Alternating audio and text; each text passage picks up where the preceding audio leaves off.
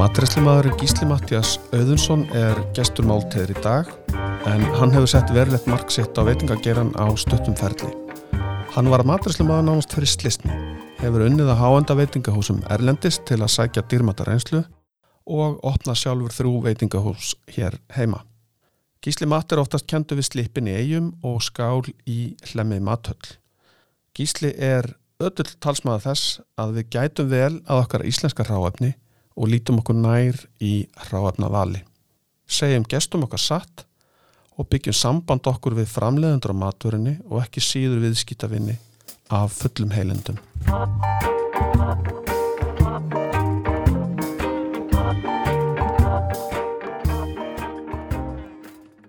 Verður velkomin Gísli. Já, takk hérlega. Við ætlum að byrja hérna aðeins á persónulegu nótunum, þreifum aðeins á þeim með nokkur spurningum aður við hérna förum að tala um vinnuna, eiginlegu vinnuna en ég veit auðvitað ímislegt um þig, ég veit að þú ert hérna eigamaður og einna mörgum úr mikill matar fjölskyldu en hver er Gíslið og þú segir nú aðeins frá þér sjálfur? Já, bara til að byrja með, bara takk hérlega fyrir að fá mig, ég er búin að vera fylgjast með þessu og þetta er Þetta er úrslega skemmtilegi hlutir sem þú ert búin að standa að hérna. Uh, sko, hver er Gísli Matt? Um, gí, ég fættur 89, 25. mars 1989, fættur og uppalinn í Vestmannum, en samt bara til 6 ára aldurs. Þá flutti ég hérna í bæinn, þess að öll fjölskyldum minn flutti í, í bæinn. Þannig að svona frá uh, 6 ára upp, upp svona að úlingsárum þá bjóð ég Efrabriðaldi. Já, já. Það er fín leikvöldur Já, 111 alveg bara Grótart Grótart, sko. Já. og hérna hafði mikið áhuga á íþróttum og fókbalta og, og fleira. Ég, ég var sérst að læra íþróttafræði á sínum tíma í, í, í fjölbröði bröðaldi ákvaða ein, einhverjum ástæðum að sleppa einn ennunu og fara að sjó. Eh, ég kem af ættum að mikið að sjómunum en ég alveg bara gjörsamlega fílaði þetta ekki sko. Þú veist þetta var þannig að, að, fyrsti túri minn voru 8 dagar og ég var sjóð ykkur sjöðum og, og ég var svona farin að uh, gera upp við mig hvaða putta ég ætti að skera af til þess að þyrla myndi koma að sækja mig sko. Það er ekkert vist að þyrlan hefði komið þeir Nei, nei Það er bara að teipa þetta. Já, þannig að ég svona, ég fann mig ekki þar þá allavega þá var ég uh, að vera 18 ára gammal þá var ég hérna Siggi Frendi og opna veitingast að turninum í Kópaví Sigur, Sigurður Gíslason já. stór snillingur já, uh, hann er náttúrulega búið að gera alveg mikið af frábærum hlutum hérna á Íslandi og verið yfirkokkur á já, bara mörgum stöðum hér hann var sérst að opna uh, veitingast að sem hétt Turnin og var með veit, annan veitingastæðinni sem hétt 19. Uh, það var sérst þannig að pappi minn uh, var að sjá um mikið af framkvæmdum hann og var að vinna þar. Og í raun og veru var, var ég bara fenginn af sjónum uh, vildi ekki fara meira á sjó þannig að ég var bara basically að setja saman borð og stóla. Það nú gott að vera ekki búin að skera, skera í puttan Já, segju Nefna, hérna ég mætti bara hverjum degi síðan opnaði veitingastæðurinn og þetta var reysa veitingastæður þannig að það var alltaf að koma upp eitthvað svona verkefni sem að ég fekk í hendurnar hvort sem það var að setja saman hillur eða, eða, eða gangur á vörum eða hvað. Og síðan bara allt í einu einn daginn þá mætti ekki uppvaskarinn þannig að þá var ég bara fengin í uppvaski þá ég hafði sko verið uppvaskari mörg ár uh, áður á, á þeirrum frökkum. Það var aðra hverja helgi alveg í nokkur ár uppvaskara og ég var sko ekki tilbúin að fara í upp að vera mikið í uppvaskinu lengur sko. Þá allt í hennu vant að skræla karteblur og, og áður en ég vissi þá var ég bara komin inn á kokkavættir á þess að beða eða, eða ég var ekki eins og spurður sko. Ég, ég þekki sigga frænda en ég, ég veit alveg hvernig svona hluti geta gæst það var bara en, en vel gert hjá hann, ég ánaði með hann. Já, ég líka sko og ótrúlegt sko að vinna í eldursi, það er svo mikið ég ætla bara að lega mér að sletta svona deadlineum, maður þarf að vera tilbúið með þetta fyrir ákveðin tíma og, og einhvern veginn myndi þetta mig bara svolítið á, bara svona fókbalta þetta var ekkert einn bara á mjög skrítin hátt bara, myndi mig bara svona á orkuna, bara úr fókbaltaleg í raun og veru, maður var bara í einhverju teimi og það var bara eitthvað markmið og var allir að, að fara í sumi átt sko Svona ákveð, ákveðin ægi kannski, það eru, já, e, Já, bara ægi og bara svona einhvern veginn liðsælt þú sko þarfst að standa þig fyrir liði, það, það, það, það sést mjög glögt í eldhúsi ef einn liðsmaðurinn er ekki að standa sig. Það Já, er bara já. að, að vita það allir, alveg um leið. já, það er bara alveg það er bara einhvern veginn svona ég var bara ástfangin að því fyrir utan það að ég hafði alltaf bara ég hef alltaf verið mikið matgæðingur og alltaf fundist matur mjög góður en, en ég hafði í raun og veru engan áhuga á að, að læra kokkin sko. Já, það er ekki hugsað um það kannski. Nei, ég hafði ekki hugsað um það en það er einhvern veginn samt bara datt upp í hendurnar á mér sko. Hanna var ég bara komin inn á kokkavaktir eða sagt, þetta var enda svona eins og margir opnaði veitingastæðir Reykjavík það var eiginlega að vera að vinna sjöta vikunar sko, svona í byrjun. Mér finnst það bara geggjað og, og þegar að staðurinn var í raun og veru ný opnaður það var búið að vera opinn í fimm mánuði þá kom hrunið Já, hrunið góða hérna. þá fór þessi staður sem að e, var bara með þvílíkt mikið að einhverjum bankaveislum og þú veist, við erum að tala um það að stundu voru sko tvær, þrjár veislir frá sama bankanum sama kvöldið sko, bara í mismundi sölum. Já, mismunandi deildir í bankanum. já, það, var nót, það var nót til á þessum já, tíma, sko. þetta var bara, þetta var grilla dæmi sko, og hérna, það fór úr því yfir í að enga veislur. Það var ótrúlega gaman eða þú veist, eftir á hyggja ég læriði rosalega mikið af því að því þá allt inn fekk maður rosalega ábyrð bara strax, fyrir þess að það alltaf þurfti strax að minka í staffkosti og mikið að kokkanum fóru og þannig ég var heppin á svona eftir á hyggja að ég læriði ábyrð mjög hratt sko og, og hérna Já. Ma, maður lærir oft í krísum, við, við komum að því setna, við erum, við erum, hérna, við erum að taka þetta upp 1. apríl 2020 þennan þátt, við erum í, hér í miðri, eða vonandi komin inn í miðja kó- COVID-19 krísuna sem hefur áhrif á allt og alla og ekki síst veitingabransan okkar. Ég man eftir því í runninu 2008 að þú kannski tókst ekki eftir þegar þú var svo ný komin inn í, inn í þennan veitingagera að allt einu þá varð Íslands tráefni aftur vinsælt sem hafði ekki verið kannski í forgrinni hjá ansi mörgum af sérstaklega yngri kynnslóðinu af matræslumönnum. Kannski þurfum við krísur reglulega til þess að minna okkur á það að við þurfum að passa upp á eigin framlýslu, hvort sem að það er til sjós eða lands og, og, og geta fætt þjóðuna og þessi ráðnu leið eru okkar leið sérstaklega í veitingagerunum til þess að segja sögurnar af því hver við erum. meiri, sér sko, þegar ég lít tilbaka sko, þegar ég virkilega verið að hugsa um hvaða mat við erum að bera fram í byrjun þá, þá var þetta andabringur og mér svo stundir saman bara kengurukött og, og, og froskalappir þú veist þetta var bara eitthvað ráefni sem er já bara með eitthvað engan sens að vera nota og, og, og það var flóið heilu flugvölun bara til þess að fá réttna þroska og eitthvað mango sko og, síðan voru hún þetta helling af erlendi fisk hún þetta bara túnfisk erlendis frá og, og, og já það var bara allt sem hétt lokal það var eitthvað neginn bara þekktist ekki sko, nánast Já, en þetta breytist eiginlega á einni, einni nóttu já, já, Þú heppin af að séð bæði. Þetta er svona námstaðurinn. Ég ætla nú kannski bara að spyrja þig, hérna, átt, áttu er fyrirmyndir, sko, áttu er eitthvað fyrirmyndir úr æsku, það er stundum, stundum það úr fjölskyldunni, stundum, eða stundum er það eitthvað sem tengist fæinum hans. Já, ég meina, já, ég, ég hef alltaf átt mikið af fyrirmyndum. Uh, mér er þess að einn fyrirmyndi mín þekkti ég aldrei, það er bara langaði minn, binni í gröf sem að, sem að var aflakongur, ég veit ekki hvað mörg ári í röð, sko, og hann einhvern veginn bara svona rosalega duglegu maður og fekk einhvern veginn alla með sér í að vera duglegin og meiri sér að líka börnin hans uh, hún var alveg sama hvað þau tóku fyrir sig fyrir hendur, hann vildi bara að þau myndi gera sitt besta alltaf og vera svona eina af þeim bestu. En síðan er náttúrulega margir kokkar sko sem að uh, ég hef litið mikið upp til og það var meðal hann Sigur Gíslason frændi minn sem ég svona uh, læriði hjá sko. Og síðan uh, náttúrulega sá sem hefur svona rutt brautin eða heima og ég held að við höfum eftir að svona í framtíðin líta svo tilbaka og, og líta hvað Gunnar Karl hefur gert sko fyrir íslenska mat sko það, það áttar sig kannski ekki allir á því núna sko Nei, ég get verið sammála því, það er, það er alveg, það er alveg klart. Það Já. að koma betur ljós. já, Við getum öll verið þak, þakklátt Gunnakalla fyrir allt það sem hann hefur gert. já og, sko ég, ég var að vinna eða þú veist ég var að vinna stundum hann til aukalega þegar ég var svona að byrja sko. Ég manal eftir kvöldunum þegar voru tveir til fjórir um kvöldið sko.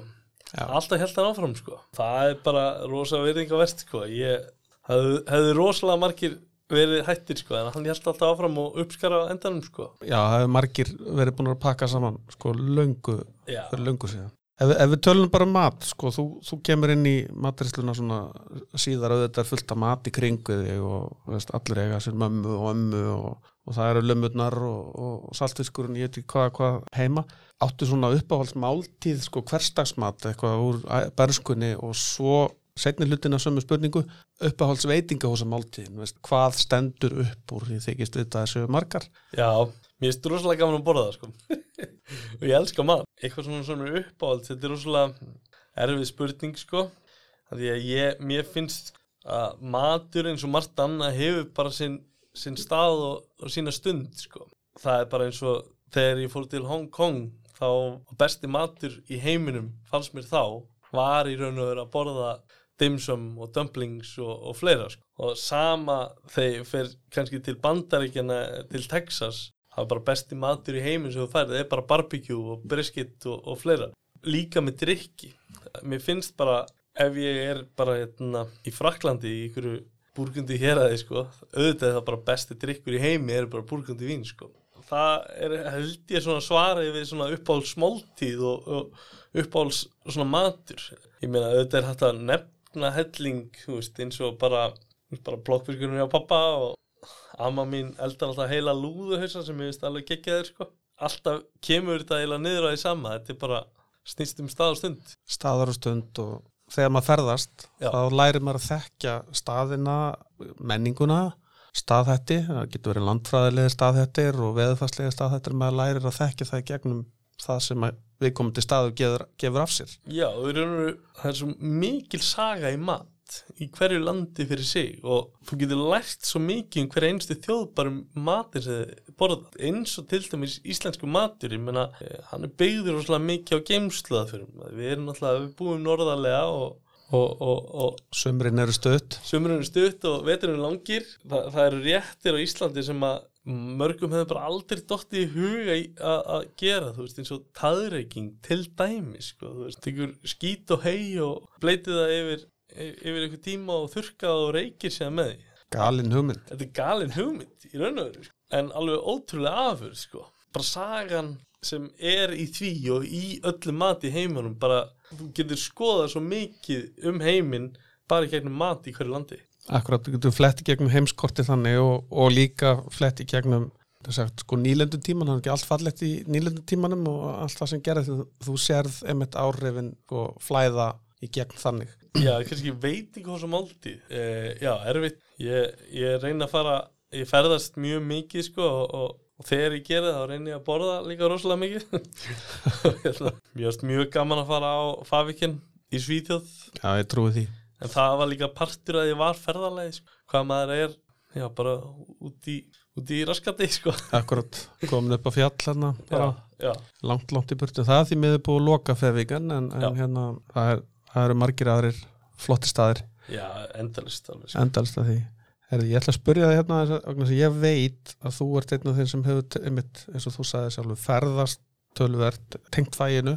Fæið okkar er nú einmitt þannig að ég held að það geta allir bara pakka nýfinu sínum og, og sundunni og farið í nánast hvaða land eh, og hvaða borg sem er í heiminum og, og bankað upp á og, og bara fengi vinnu. Já, þetta er þannig að menn kannski banka ekki upp á þeir hérna, senda, senda undan sér eins og svo auðvelt í dag að, hérna, að leita sér að stöðum en mjög margir ungir kokkar kokkar nemar, þeir afla sér reynslu með því sem við köllum það sletta að stasa eða stasi eh, heitir það.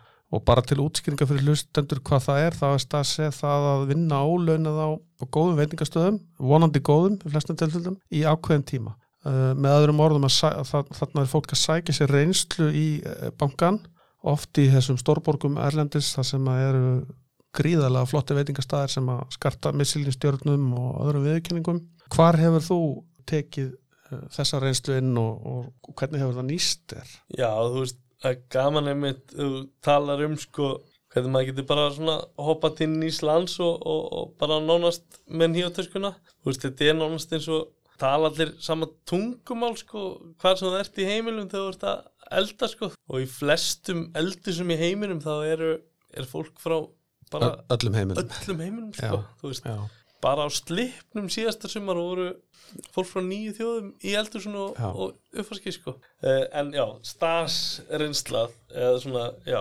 internship eða, eða hvað sem maður vil kalla þetta að gera þó nokkuð því uh, mikið í bandaríkjunum aðeins í Danmörku og í Fraklandi það að stasja, það, það talaði um ólaunaða vinnu er stundu talað um en í raun og veru líti ég bara á þetta sem frían skóla sko. þetta er miklu meira frí skóli heldur ólaunuð vinna vegna þess að þessum veitingastöðum kannski sem er að bjóða upp á stas þeir myndalega reka sig þó svo að þau væru ekki með því sem stas sko. þannig að þá finnst mér þetta kannski minna að vera eitthvað ólaunaður starfsmæður að því þegar kannski talað um það þá hljómar meir eins og sé að vera að brjóta á viðkomandi sko. Já, sem það er ekki sem það er ekki sko vel þess að stafsjaði á eins, tveggja og þryggja missinstinn stöðum og meiri sér líka bara, já, bara mörgum stöðum sem eru ekki með stjórnu sko það er rosalega mismundi hlutir sem maður lærði og það að fá að vera inn á þryggja missinstinn stað sem hefur kannski verið í topp 10 bestu veitingastæði heimi og vera að fluga á vekk þar. Það er bara ómetanlegt sko. Sérstaklega svona kokkaneymar og ungi kokkar sem eru að hlusta og ekki bara ungi, bara allir kokkar sem eru að hlusta. Það að breytum algjörlegum umhverfi sérstaklega líka að fara frá Íslandi. Það er rosalega holdt fyrir alla. Það er ekki bara holdt fyrir því sem fagmann heldur líka að sjá hvernig aðrir gerir þetta sjá kannski hvað við erum að gera vittlistina heima og hvað, og hvað við erum að gera rétt og það sem ég lærði svo mikið er að, að vera þar að sjá hvað er mikil svirði í mörgum hlutum sem okkur finnst vera hverstagslegir en að heima sko. Tala ráefni kannski eða aðferðir eða Já, ráefni og, og, og já, sérstaklega ráefni sko, og bara, þú veist, ég get sagt eina skemmtilega svona litla sögu þegar ég var að vinna eða þegar ég var að stasja á Eleven Mattisson Park sem er svona eitt af svona betri veitífstöðum í heimi. Hátskrifaður Já, mjög hátt skrifaður og þar var ég á fyrsta daginn minn þá kom yfirkokkurinn að mér. Þetta var á þeim tíma sem að Daniel Hömm var ennþá í eldhúsinu. Núna er hann bara að reyka alveg marga, marga staði. Og hann kom að mér og rétti mér hérna barra, eh, á íslensku heitir þetta barri, síbars á ennsku og, og hann sagði hérna þú mátt nota allt hráefni í eldhúsinu nema truflur, fóikra og ekki nota dýru jústirnar og það var bara eitthvað svona, svona staður inn í kælinu sem ég mátti ekki að fara í. Svona þegar ég var búin að gera hann rétt þetta var náttúrulega algjör upplifun að fá að gera hann rétt sko og, og allt eldúsið stoppaði service til þess að tjekka á réttinum að meðan Daniel Hömm smakkaði hann sko sem var alveg frábæra upplifun út af fyrir sig. En eftir þetta þá fóru ég að kíkja á jústirnar sem voru þarna í þessum hérna misteri það sem mátti ekki nota sko. Og eina jurtunum það voru ostruluf ég, ég hafði ekki hugmyndi um hvað ostruluf væri sko. Ég skoðaði pakkan og ég bara mikið rosalega kannast ég þessu jurt sko. þá komst ég að því bara, herðu, þetta vex bara endalust að þessu í, í Vestmannum, bara ég þarna var ég búin að reyka veitingastæðin slippin í tvö sumur og það bara, það opnaðist allt fyrir mér Bara nýr kapli, eða Bara- nýr bók bara Já, bara nýr kapli alveg, algjörlega sko. ég, spurði þá út í það þá voru þetta ostrulegir sem voru tínd í Alaska send með flugi og þurfti að borga heldur dólar fyrir stykkið sko. að meðan við getum tínt sko mörg hundru svona lauf á sko einni mínúti hérna á Íslandi sko og þetta let mann bara sjá hvað er, veist, við þurfum rosalótt bara að líta okkur aðeins nær Við leitum oft langt eða skámt já, akkurat sko. og við megum kannski vera kannski, ég man það svo vel, ég er náttúrulega tölvöld eldri en þú sko. Við höfum kannski svona í grunninn liðið eins og við varum svolítið smá með okkar, okkar matarmenning og okkar ráefni þegar þú horfir á þessi uh, þessar stórþjóðir Frakland sem dæmi sko, með öll ráefnin og alla þessa hefð og allan litteratúrin sem búið að skrifa um matarrenslu í, í gegnum árhundruðin. Og þá eru menn kannski óþarlega litlir í sér stundum já, fatt ekki að þeir standa bara á þeir sitja bara á gullkistunni sko, heima í, sko. út í eigu eða í ferðinum sínum eða Já. einhver staðar á þessu fallega landi sko. þannig að þetta er, þetta er áhugavert þú ásamt fjölskyldinni, þú opnar síðan loksins loksins segi ég, þú er náttúrulega kottnungur þegar þú opnar slippin í Vestmannegjum sem er, sem ég ætla að fara að auglýsa það á mikið, er mínu alveg frábær staður, bara ofsalega vel lukkaður og mjög gaman að koma til ykkar og borða. Segðu mér aðeins af slipnu hver, hvernig hugmyndin verður til og, og, og, og hver þið eru sem að baki standi og, og kannski fyrst, hvenær opnuðu þið? Þegar við opnum 2012 flókið þegar maður segir frá því en við erum að fara inn í nýjunda sumar Nýjunda sumar, já, akkurat, já. á þessum tíma hafði ég unnið í turnirum í Kópói sem er náttúrulega það var sem sagt eh, hlaðbórstaður og með mikið svona stórum veislum og pinnavislum ekkert svona, svona sérrætta eldús eða svona alakart eldús uh, síðan hafði ég unnið á Dill sem var bara í svona einu matþeli þannig að ég var að opna veitingastað alakart veitingastað ég hafði aldrei unnið eitt service í alakart Ég vilja vera flug á vegg. það var mjög flókið. Já, en, en já, þetta er sem sagt ég opnaði þetta með mömmu minn og pappa og sýstu minni og þetta var bara hugmynd sem kom árinu áður við opnum á ættamóti. Og þá var þetta bara mjög svona romantísk og krútleg hugmynd að opna veitingast það sem væri bara opinn á sömurinn og Dúla sér við þetta þrjá fjóra tíma á dag og... dúla sér við þetta og skipta á milli okkur helgum og svona eitthvað. Já, já. og hérna og hugmyndin kom upp frá því að það var þetta fallega hús sem hafði staðið veitt í 40 ár sem, sem uh, frend okkar átti og henni hafði alltaf dreymt um að gera eitthvað í þessu húsi þess að það hús uh, sem heitir Magnahúsi eða kalla Magnahúsi er með svona, svona, svona stóra sögu í Vestmannum þess að hann þjónaði þess gamla bátaslipnum þetta var vélsmiðan Magni sem þjónaði gamla bátaslipnum sem verðandi fyrir aftan. Og náttúrulega allt í Vestmannum snýst um sjáur út veginn og sérstaklega eh, á, á árum áður sko.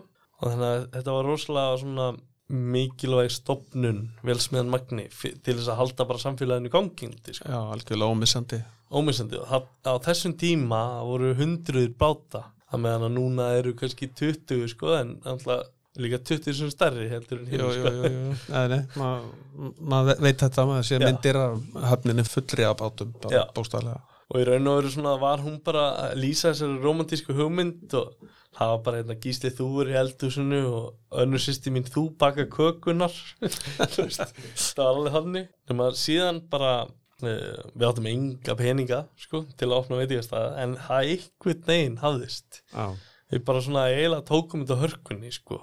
Og við vorum að, þú veist, við stóðum í öllum framkvæmdum sjálf. Alveg bara, bara sýsti mín uh, mammin og pappi fengum ekki einn yðnamann og við vorum alltaf að býða hang til að við myndum opna því þá er þið róligt að gera en hérna, það kom annað upp en maður lærði svakalega mikið á þessum tíma alveg bara, var rosalega margar lokaða dyr sem maður þurfti einhvern veginn að opna og, Opna og já, komast- Mér finnst þetta bara ótrúlega að hafi getað þetta. já, Og svo opniði og inn í rauninni bara mjög stutta sömur opnun.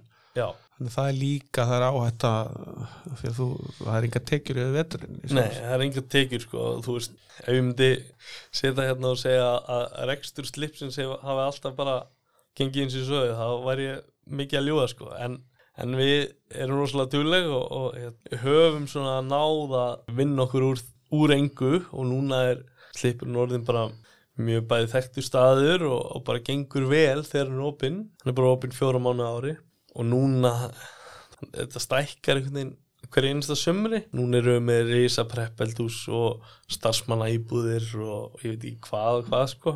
En Já. það er bara einhvern veginn, að þeir eru með fólk frá öllum heimsólum sem kemur og vill vinna á slepnum og, og eða sömrinu sínu í, í eigum. já, það er sko bæði veikleiki og styrkleiki slipsins Já. að vera opið fjóra mánu ári. Eh, styrkleikin er náttúrulega, þetta eru eh, ágætis mánuðir í rekstri.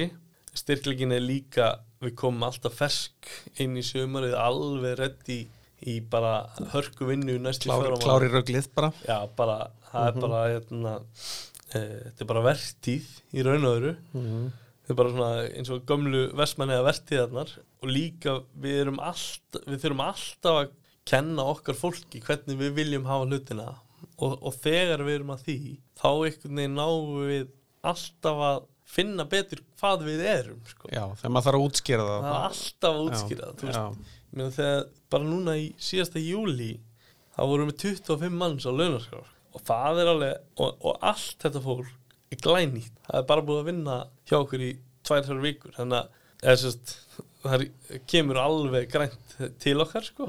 Og síðan er það kannski orðið bara frábært í vinnunni sinni þú veist, í byrjun ágúst og það mánuður eftir sko það er, er bölvun í þessum bransa það er, hérna, starfsmannavelta. Og sjálfsögðu með sömarótnun þá er 100% starfsmannavelta á milli ára. Já, það er alltaf hannig maður, maður, hefur einhver stað en, en svona til að útskýra aðeins svona konseptið á slipnum það raun og okkur langað að búa til eitthvað bara svona fallegt í okkar heimabæi eitthvað sem um vonandi heimamenn getur verið stoltir að og okkur langað að vera eins svona staðbundin eins og gátum og, og hérna, eins ástíðabundin eins og við gátum. Og ef ég á að segja alveg eins og er fyrstu sumarið þá var ég bara að kopja mat sem ég hefði lært bæði turtinum og til sko. Já, já, gera mína útvarslu af því einhvern veginn. En svona í gegnum árun og gegnum öll ferðalægin þá svona lærði maður að búa til sinn einn stíl og, og, og, og svona ég held að núna slippurum með sitt uh, ég er nú alltaf að sletta þetta identity, svona hvað við erum sko. Það, er svolítið mikið að nýta ráöfni rosalega vel gera bara svona skemmtilega rétti út frá því. Við erum alltaf að nota aðeins fleiri tegundur á jurtumægin og aðeins fleiri á þangaveginni verslaði aðeins fleiri bonda og, og aðeins meira að kanna hvað getum fengið í sjónum í kringum okkur þetta er bara veitingastæður sem, sem verður alltaf aðeins betri með hverju árum sem lifir held ég sko. eftir þess að þekkingin ekst og, Já. og, hérna, og fleira er kannað og prófað Já, og, og, og fleira frá líka sko, við lærum helling af fólkinu sem kemur Já, að vinna hjá já. okkur við erum að fá fólk bara, bara af missinstöðum kannski í Fraklandi og sem er búið að vera að vinna í bandaríkjónum eða bara út um allan heim í raun og og, og maður er alltaf að styrkja sig með því að læra að öðrum sko. Það er svo mikilvægt. Já, það er nú gömul sá nýja daginn sem maður heldur að maður kunni allt þá á maður að hætta. Já, já, já, það er alveg sama í hvað fæði maður er. Það ok. er bara þannig að það er ekkur dagur sem maður á að hætta sko.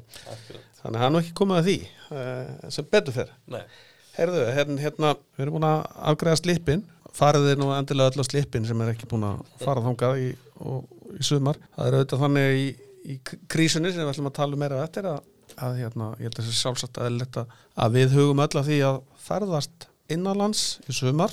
Við getum öll hjálpa til öllum litlu fyrirtækinum okkar út um allt núna strax með því að versla í nær umhverfinu uh, hjá öllum litlu fyrirtækinum. Uh, við erum hér að tala aðalega um veitingabransan og, og, og það eru fjölmörg veitingahús sem er að bröðast við ástandinu núna og ég veit að þið eru að gera það gísli og Já. fleiri og við skulum endilega hjálpa, hjálpa til því að við viljum geta nýtt okkur þessa frábæru þjónustu sem er búin að vaksa og dafna, nú er ég að tala um allan bransan. Já, við viljum geta gengið í þessa þjónustu áfram. Og ef við talum bara um Reykjavík. Reykjavík er ekki svo sama. Hún var fyrir 10-15 árum. Nei, maður, það er búið að breyta svak. Gríðalur munur og, og matarmenningin tekið hérna, stórstífum framförum. Eh, en líka drikjarmenningin og áður en að við förum í næsta lið hérna þá eh, langar mig að vekja þessi aðtikli á frábæru hlaðvarpi góðvinnar okkar uh, Happy Hour með The Wise Men en þar er að baki eðaldrengurinn uh, framræslumadurinn Andri David Pétursson.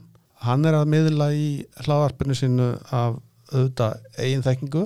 Uh, hans sérgrein er kannski koktelar frekar en eitthvað annað. Og hann fær svo er afskaplega fundvís á, á góða gesti sem að fræða hann og okkur um drikki ímskonar það eru bjór og, og, og, og vínuðu þetta, koktelarnir og allt hitt. Uh, þið þekkist vel þú og, og, og Andri Davíð og, og hafið unnið saman og gerðu góða hluti í ykkar samstarfi, mann ég. Já, já, Andri er alveg frábært drengur og, og þættinir hans eru alveg frábæri sko. Já, ég sammála því. Já, Við mælum allavega heilsugur með Happy Hour með Wise Man og, og þá er ég komin að því að, að spurjum hérna, tilur uh, staðarinn sem heitir Matur og Drykkur sem þú stopnaðar á samt fleirum og vakti verðskulda aðtegli á sínum tíma og þar voru þið að vinna saman. Andri Davíð var yfir í salnum og, og, og þið voru frábært teimi það var alveg ofsalega gaman að koma til ykkar á þessum tíma hann uh, hvernig varð Matur og Drykkur til? Þegar ég opnaði slippin sko, og við vorum bara opinn á, á, á sömurinn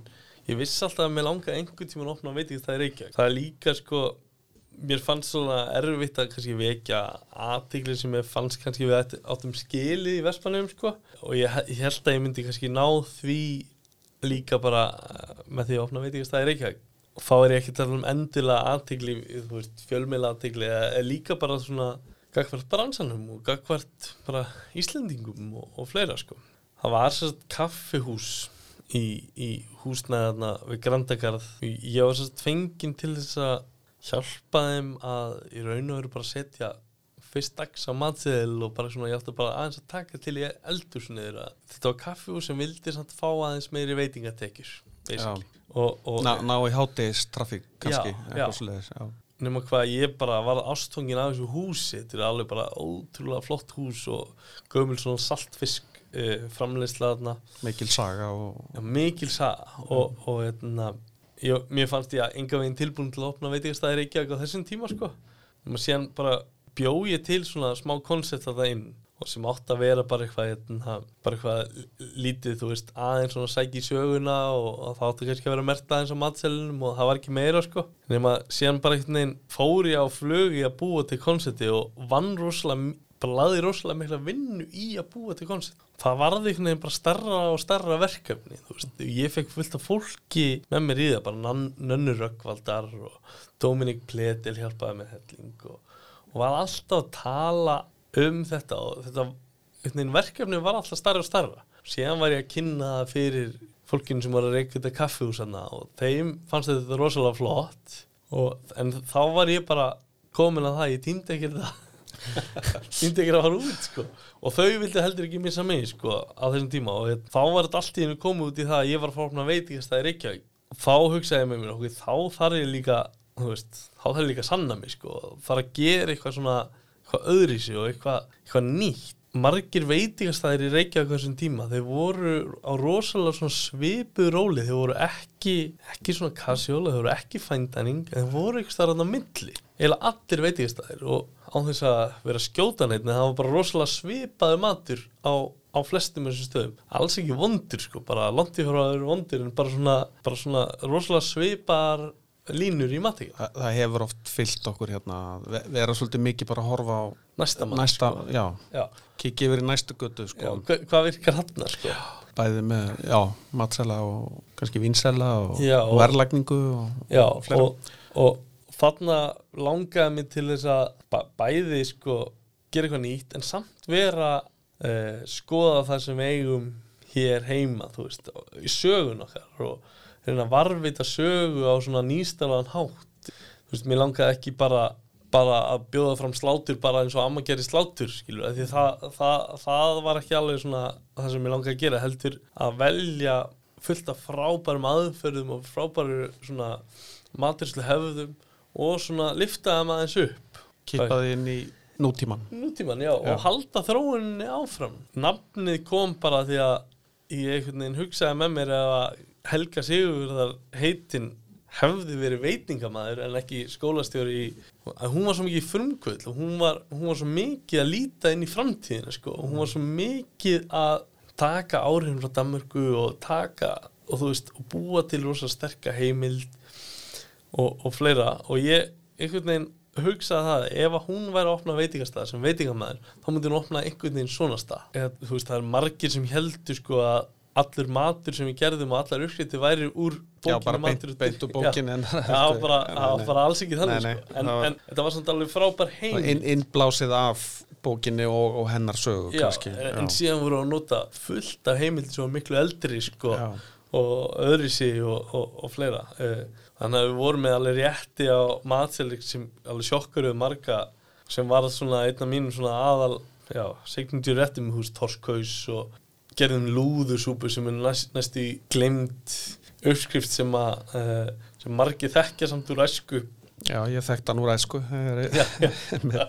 Það- mamma gerði svona súpu oft sko. Já, og það var einmitt bara það maður, þá situr maður að vera að borða og segja bara þekki þetta, þetta ekki alveg eins Já. veist, og, og allt það en, og þá ertu komið með það að, að fólk Íslendingar, þeir könnust þessu margt af þessu. Já, en þetta er kannski bara betur gert en það var gert í eldúrsunni hjá mömmu og ömmu í, í gamla dag og, og nú- nútíma, Nú- nútíma og nútíma vætni í sko. sjálfu sér og, og þá virkar það já, Þannig að ég held að ég geti bara sagt þér hérna, hönd, hérna, hönd viðskipt að vinna matar og dreikjar að, að það var ofsalega gaman að koma þarna og, og hérna, við vonum auðvitað að staðnum gangi vel en þann daginn í dag og, já, já, og hérna, já, bara svona til að segja stutt frá þú veist, þá er ég ekki lengur hluti af mat og drikk. Svona fyrir það sem vita það ekki það bara leiðir skildu hérna eh, tveim árum eftir að við opnum bara við höfum bara mismunandi svona áherslur hvernig við vildum reyka staðinn sem endaði það á því að, að, að þau uh, áttu húsið þannig að ég- ákvaða að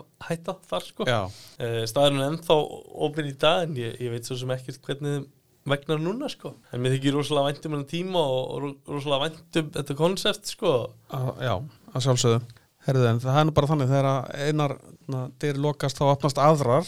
Já, og, og hérna þú ert ennþá með veitingastað í Reykjavík. Já, og opnaðir þegar að mathöllin á, á hlemmi fór að stað uh, með pomp og pragt uh, frábæra opnun á sín tíma. Ég, það rennur allt saman hjá mér, ég man ekkert sko hvaða ár.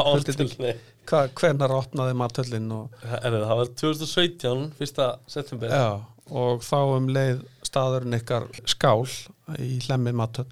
Já, hver eru þínir helstu viðskiptafélagar í skál og, og, hérna, og, og útskýru líka fyrir mér svona hugmyndafræðina baki já Skál. sko, þú veist við vorum svo nýbúna eða þú veist, ég var tiltöla ný komin út úr mat og drikk samstarfur sem bara alltaf að segja frá því, það bara endaði á leðlan hátt. Ég hugsaði bara með ef ég ætla að opna eitthvað, þú veist, þá langar mér bara að hérna, gera það með vinnum mínum sko, þannig að hérna, uh, þá var ég reyka veitingastað með sko, annar hendinni uh, fjölskyldumennu og heyrum hendinni vinnum mínum sko, við vorum þrýr vinnir, einn af þeim heiti Gísli Grímsson og, og vann já hjá mér, þú veist, við byrjum á sama degi í turninum í gamla dag, bara upp á dag. Og þaðan kom hann með mér á slippin.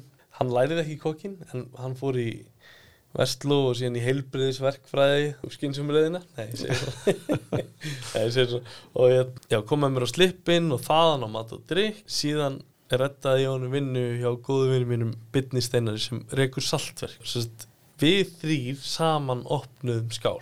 Og okkur fannst ótrúlega spennandi að taka þátt í að opna fyrstu matull á Íslandi. Veist, þetta er svona matull sem við höfum alveg oft séð í einhver, heimsótt margast líkar já, heimsótt margar slíkar sko. Að okkur, okkur langaði að búa til okkar eigi konsept svona þarna inn og að, að svona í matnum kannski nýta eða þú veist, ef ég tala um matinn hvernig svona við sáum hann fyrir okkur var að nýta reynslun okkar í að reka svona fínni veitingastæði en við erum svona sniður hvernig við hönnum rétti.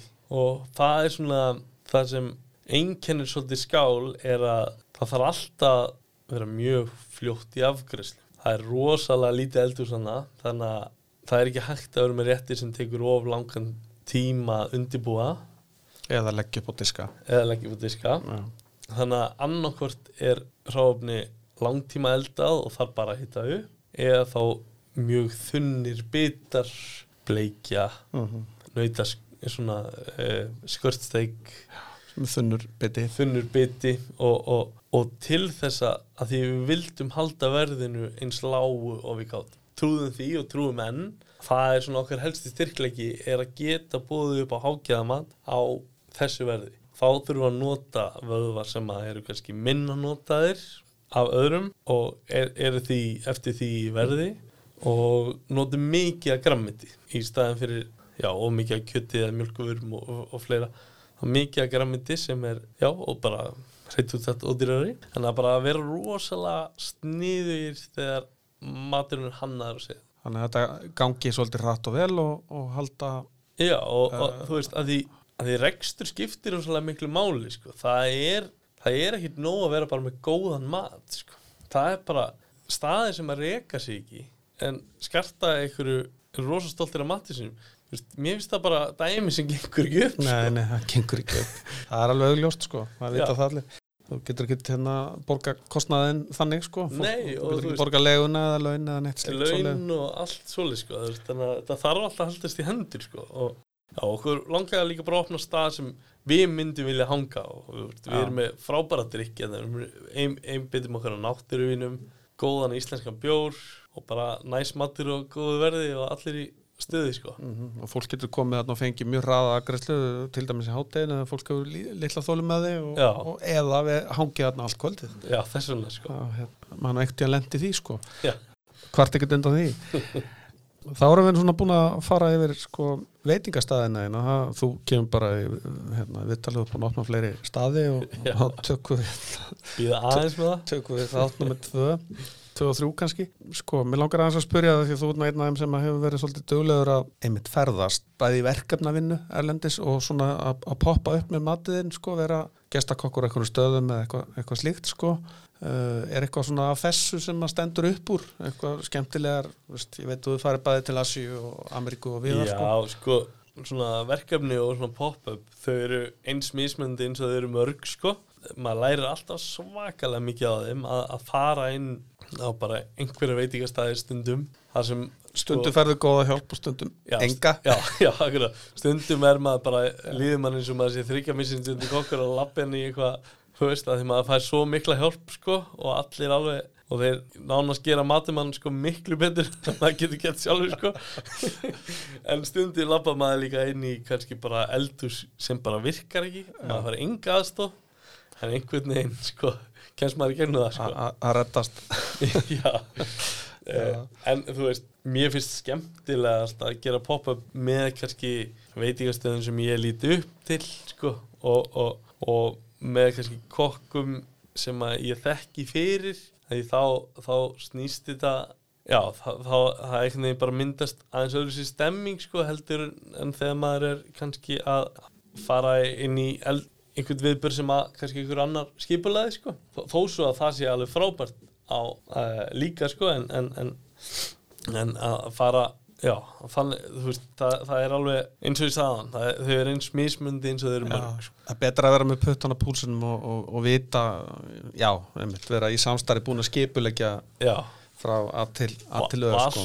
öll svona pop-up sko, eftir því sem eru betur skipulaði því, því þælir og meira næst verða þau sko. Já, líka fyrir gestina. líka fyrir gestina sko. Það er nú, gummul sáni, sko. Ef gengur vel inn í eldhúsi, þá, þá gengur betur fram í sal og og líka- fá betri upplifun. það er líka svo gaman sko réttirnir sem maður kemur kannski með sem maður kannski búin að elda oft á sínu veitingastöðum fólk tekur þeim kannski bara allt öðru sig í eftir löndum sko það að elda sko eins og þegar ég var í Hong Kong og síndi þeim taðrækta bleiki þeir bara mistu andið finnst þetta svo geggjað sko. Og síðan var ég rosa stoltir af þorskostum mínum sko sem ég veist, eldaði fyrir þau og þau bara, veist, þau eldar alltaf, þau borða fiskhausa Alla, já, já, alla All- daga já. í, sú- í súpunum sínum og þeim varst það bara eh, bara þriði dagur, sko. Já, akkurat. Já, herðu, þetta er skemmtilegt. Herðu, ég ætla, ég ætla aðeins að hérna, skiptum aðeins um takt hérna núna Við ætlum að fara kannski að tala svona aðeins um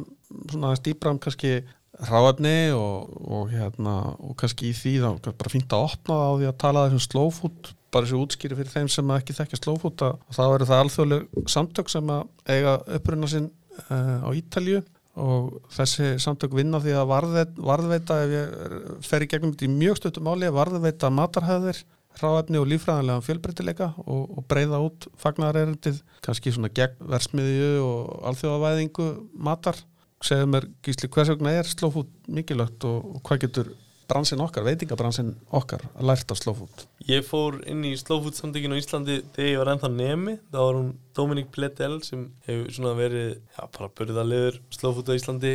Hún hérna hjælt fyrirlestur upp í skóla og rendi aðeins yfir þetta og á þessum tíma hafði ég bæði verið að vinna í turnunum og dill og, og bara tengdi svona svakalega mikið við þetta og fannst, fannst þetta bara magnað að það væri einhver samtök í heiminum sem að svona einhvern veginn bara stöðluða öllu því góða í matar, þú veist, ekki bara veitingastæði heiminum og alls ekki, bara stuðla kannski, já, þetta er svona hjartenging, eða ekki? Jú, bara algjörlega og það sem að slow food gera svo svakalega vel er að þau svona tengja kannski landbúna við uh, kokka við og svona eh, búa til snertifleiti þannig að þetta tengist allt saman. Já, kannski tengja saman fólk sem hugstar og svipaðan máta en, en, en að byggja brýr þannig að viðskiptin geti átt sér stað. Já, og, og, og allt frá sko framlendum, neytendum og stuðlaða fjölbreytileika þú veist, þetta er rosalega já, bara fallegt svona projekt eða verkefni hjá þeim. Þetta er það sem að hefur kannski vantað svolítið á Íslandi er að, að fólk vinni meira saman. Það er einhvern veginn mér finnst svo oft þannig að það er allir að vinna í sínu hotni sko, hvort sem séu veitingamenn eða framleiðendur eða eitthvað.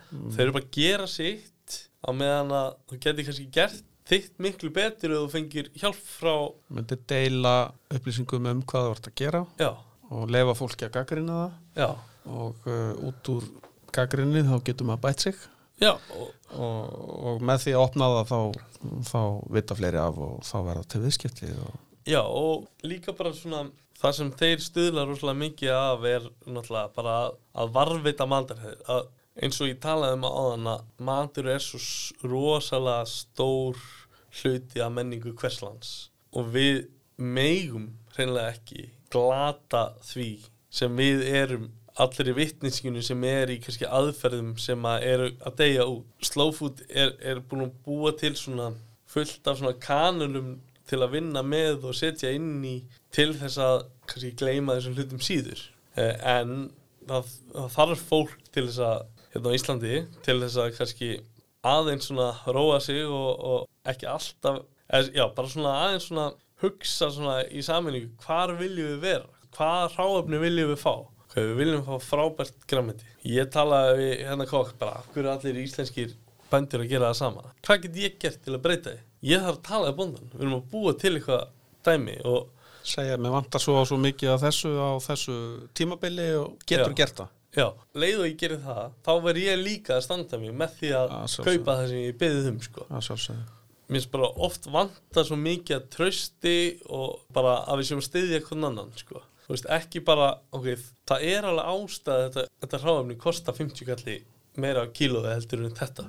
Þetta er miklu betra þetta að ekki alltaf horfa á krónutöluna, því hún skiptir í stóra saminginu ekki nærri öllum máli, sko. Nei, ég hoppa nú hérna kannski milli spurninga sko, en að því að við erum í krísu núna þessari hérna, frægu COVID-19 krísu og það er renn upp fyrir fullta fólki bara fullta fólki sem er ekki veitingamenn heldur bara fer út í búð og verslar að það er kannski ekki alltaf sjálfgefið að hillurnar í búðum séu fullar og það er ekki alltaf sjálfgefið að við getum bara fengið maturur frá öðrum löndum ef að kreppir að líka í öðrum löndum Já, já, Þannig að við þurfum að mínu viti og greinilega er vaksandi fjöldi að baka það að, að huga því að eiga íslenska matarafræðinslu. Það er auðvitað það landbúnaðurinn að sjálfs, sjálfsögðu og, og hérna alls konar sjávardur og, og alls konar um, afleitt framleiðsla út úr þessu. já. En hvern, hvernig myndi þér ganga að reyka veitingahús í Reykjavík eða í Vestmanniðum ef þú væri engungu með, Ellen Trófni. já, stundum hal- það halda margir að þið geta blekt neytandan sko. en neytandi fattar alltaf. Og það er bara þannig. Ég, ég gæti ekki sagt sömu sögu og gert sömu hluti á slipnum til dæmis og verið síðan bara að nota bara erlend þráf fólk sér það. Og það er, það er svo mikil verðmæta sköpun í því að fólk tristi því sem það er þa- þar sem það er sko og þú veist, ég finn það að kunnandir sem koma til mér á slippin þau treysta því að þau séu með gott ráfni, þau treysta því að, að allt sé gert að heilundum og, og að, að þið séu að segja satt. Að sagan sem þið segið við- á matsælunum og við borðið að hún sé sönn. Já, það er ástæðan fyrir að það er brjálega að gera á slippin hvert einstu sumar. Og 80% af kunnum er Íslandíkar það er ástæðan. Ef þú ert bara segist bara eins og annað hver veitingastæðar á Íslandi segist vera lokal sko og ert það ekki, fólk mun fatta það. er bara þannig sko.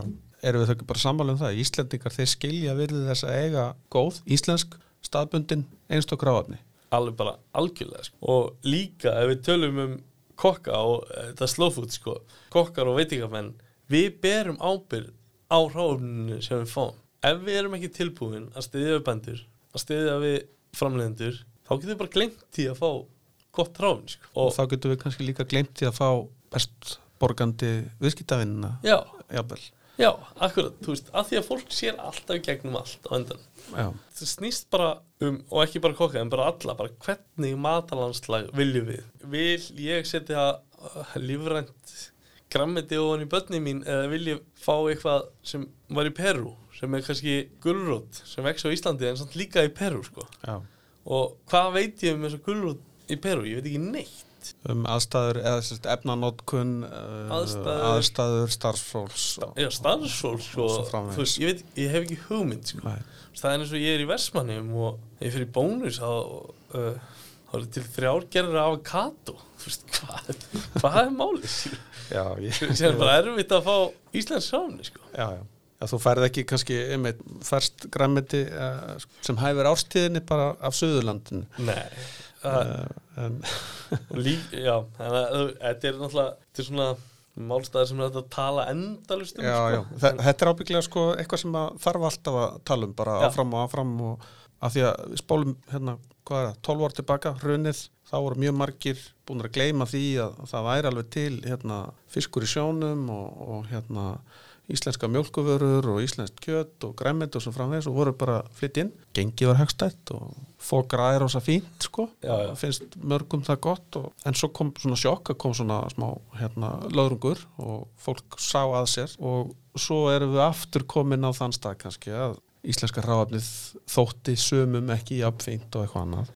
En Já, svo, en- svo fáum við þessa sko áminningu í krísuformi og, og ég held að það sé bara gott fyrir okkur Já, ég meina eins og, þú veist, núna er náttúrulega, þetta er, er skelvilegu hlutir sem er að gerast með þessa veiru sem er að ganga og, og það munum margir fara undir kannski sem að eiga það ekki skilið og þetta verður rosalega erfitt fyrir rosalega marga. En þeir sem að hafa alltaf gengið af heilindum í það sem þeir gera og eru kannski með tryggan íslenskan kunnahóp annað en að vera, leiði mér að sletta, túristabúlla að þeir munu kannski bara lifa í gegnum þetta sko. Ég verð bara að tala reynd út að ég var ekki til í að vera að reyka veitingastæðan sem kerði á 97% túristum allt árið núna sko. Það, var, það er svolítið flókin rekstrareining á þessum tímum sko. Já, það er ekki gott við höfum þetta vonum að sem flestir lifi þennan skreitna tíma af og, og, og, og, og fjölbreytileikin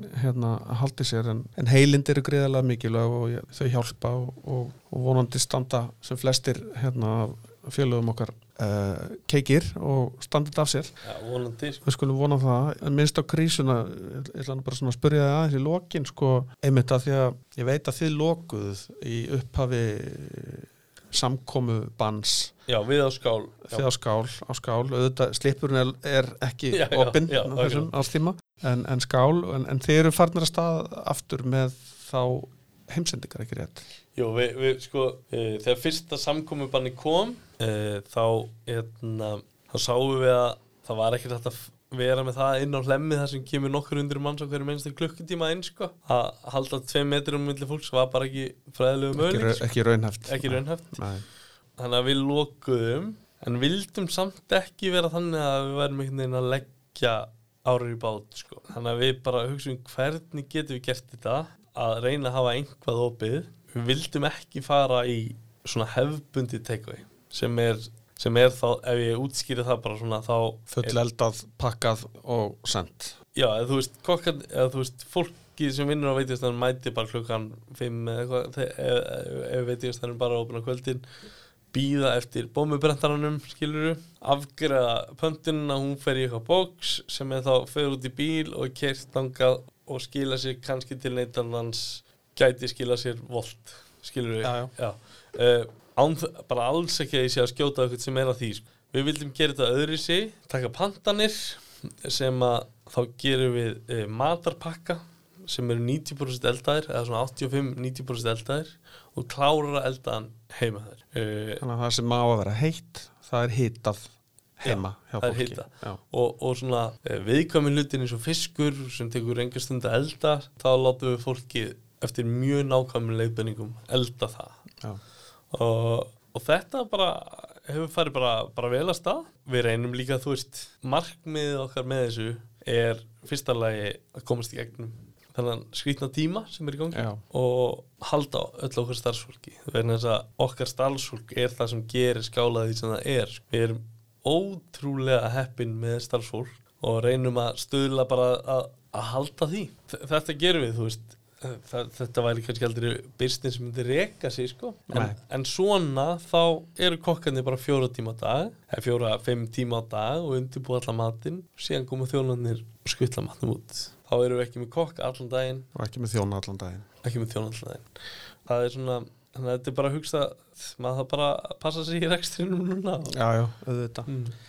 Herðu, gangi ykkur vel með þetta sem á öllum hinnum sem að er að krafs í bakkan núna með reksturinn sinn. Einn loka spurning, hvernig lítur framtíðin út hjá Gísla Mat? bara vel sko. Ég, ég er að skrifa bók núna um, um slippin sem kemur út hausti uh, eftir rúmlega ár. 21 já, Já, uh, á vegum Feiton sem er uh, erlendur að hún er þá á ennsku vantarlega já, hún var á ennsku og hérna, ég er búin að vera að vinna þessa bók með frábæru fagfólki. Bara tvo alveg eh, frábæra ljósmyndar með mér í þessu Karl Pettersson sem eru er mikið vilaðin uh, íslensk veitíkhúsi í gegnum árin. Og matar ljósmyndun. Já, alveg bara frábæri ljósmyndari og annar sem heitir Gunnar Freyr sem er svona til dælulega nýr kannski í bransanum hérna heima en með rosalega svona mikið fylgi á samfélagsmiðlum og fleira. ég veit hver hann er líka. Já, við kallaðum það Icelandic Explorer á, á, á samfélagsmiðlum á. Instagram. Já, akkurat. Og, og síðan Erlendan strák sem er skrifar bókina með mér sem hefur skrifað uh, marga bækur.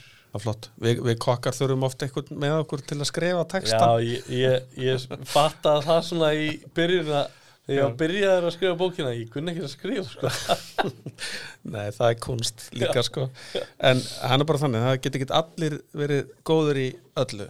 Þú ert góður í þínu, Gísli og ég held að það sé nú alveg ljóst og alltaf gaman að koma til því frábært, frábært að koma hingað bara sömu leiðis hlaka til að borða matinn á skál næstu þegar þangað, hlaka til að fara á slippin og, og hlaka til þess að já, fá þig bara í, í næsta, næsta þátt, hvernig sem hann verður.